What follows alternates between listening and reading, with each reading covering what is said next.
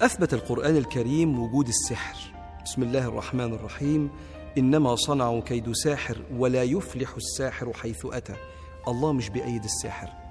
وأثبت القرآن أيضا أن في بعض الناس بيستعينوا بالجن. بسم الله الرحمن الرحيم. وأنه كان رجال من الإنس يعوذون برجال من الجن فزادوهم رهقا. لكن إحنا شفنا في الفترة اللي فاتت زيادة الكلام في بيوتنا عن موضوع السحر وتأثير السحر. بطريقة أفسدت حياة الكثيرين.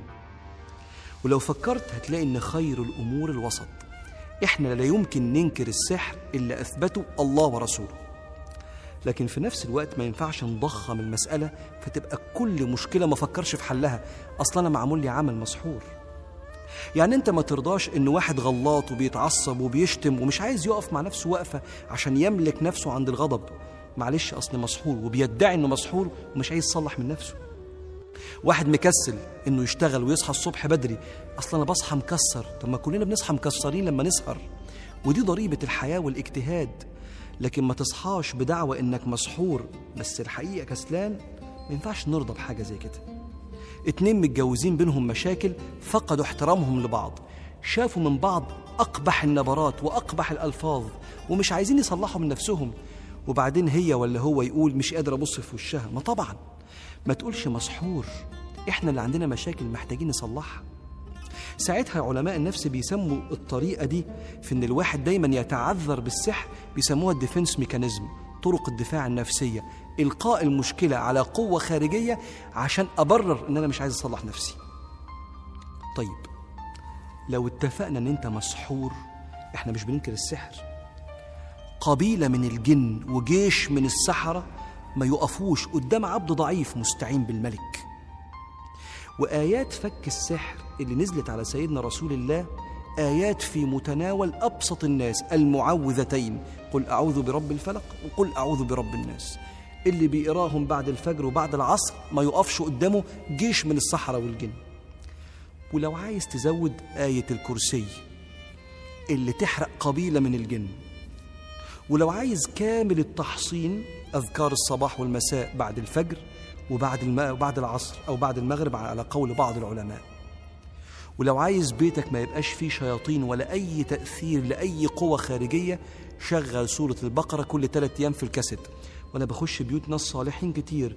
دايما في الخلفية كده في سورة البقرة شغالة باستمرار. باخد بالأسباب.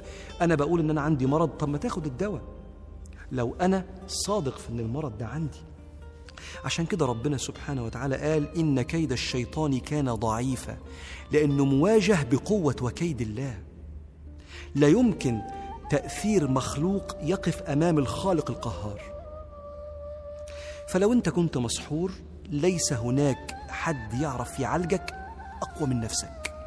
طبعا مع وافر الاحترام للصادقين من العلماء الصالحين اللي بيحاولوا يساعدوا الناس ويعالجوهم بالرقى الشرعية الصحيحة.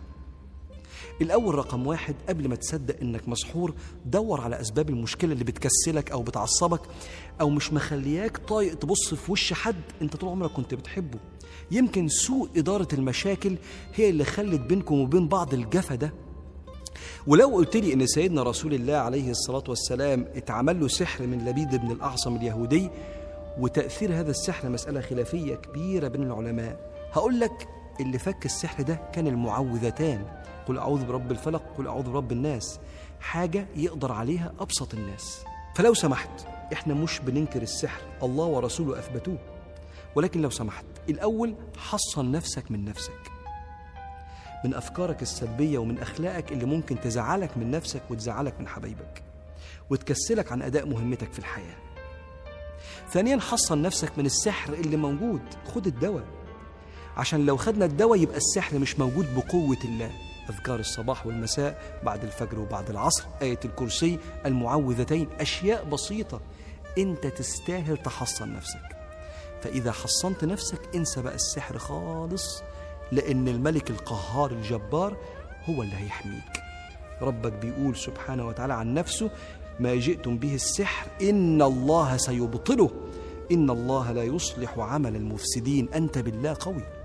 اطمن وما تشغلش بالك كتير بموضوع الأعمال. اللهم يا جبار احفظنا من كيد الأشرار وأصلح نفوسنا يا عزيز يا غفار.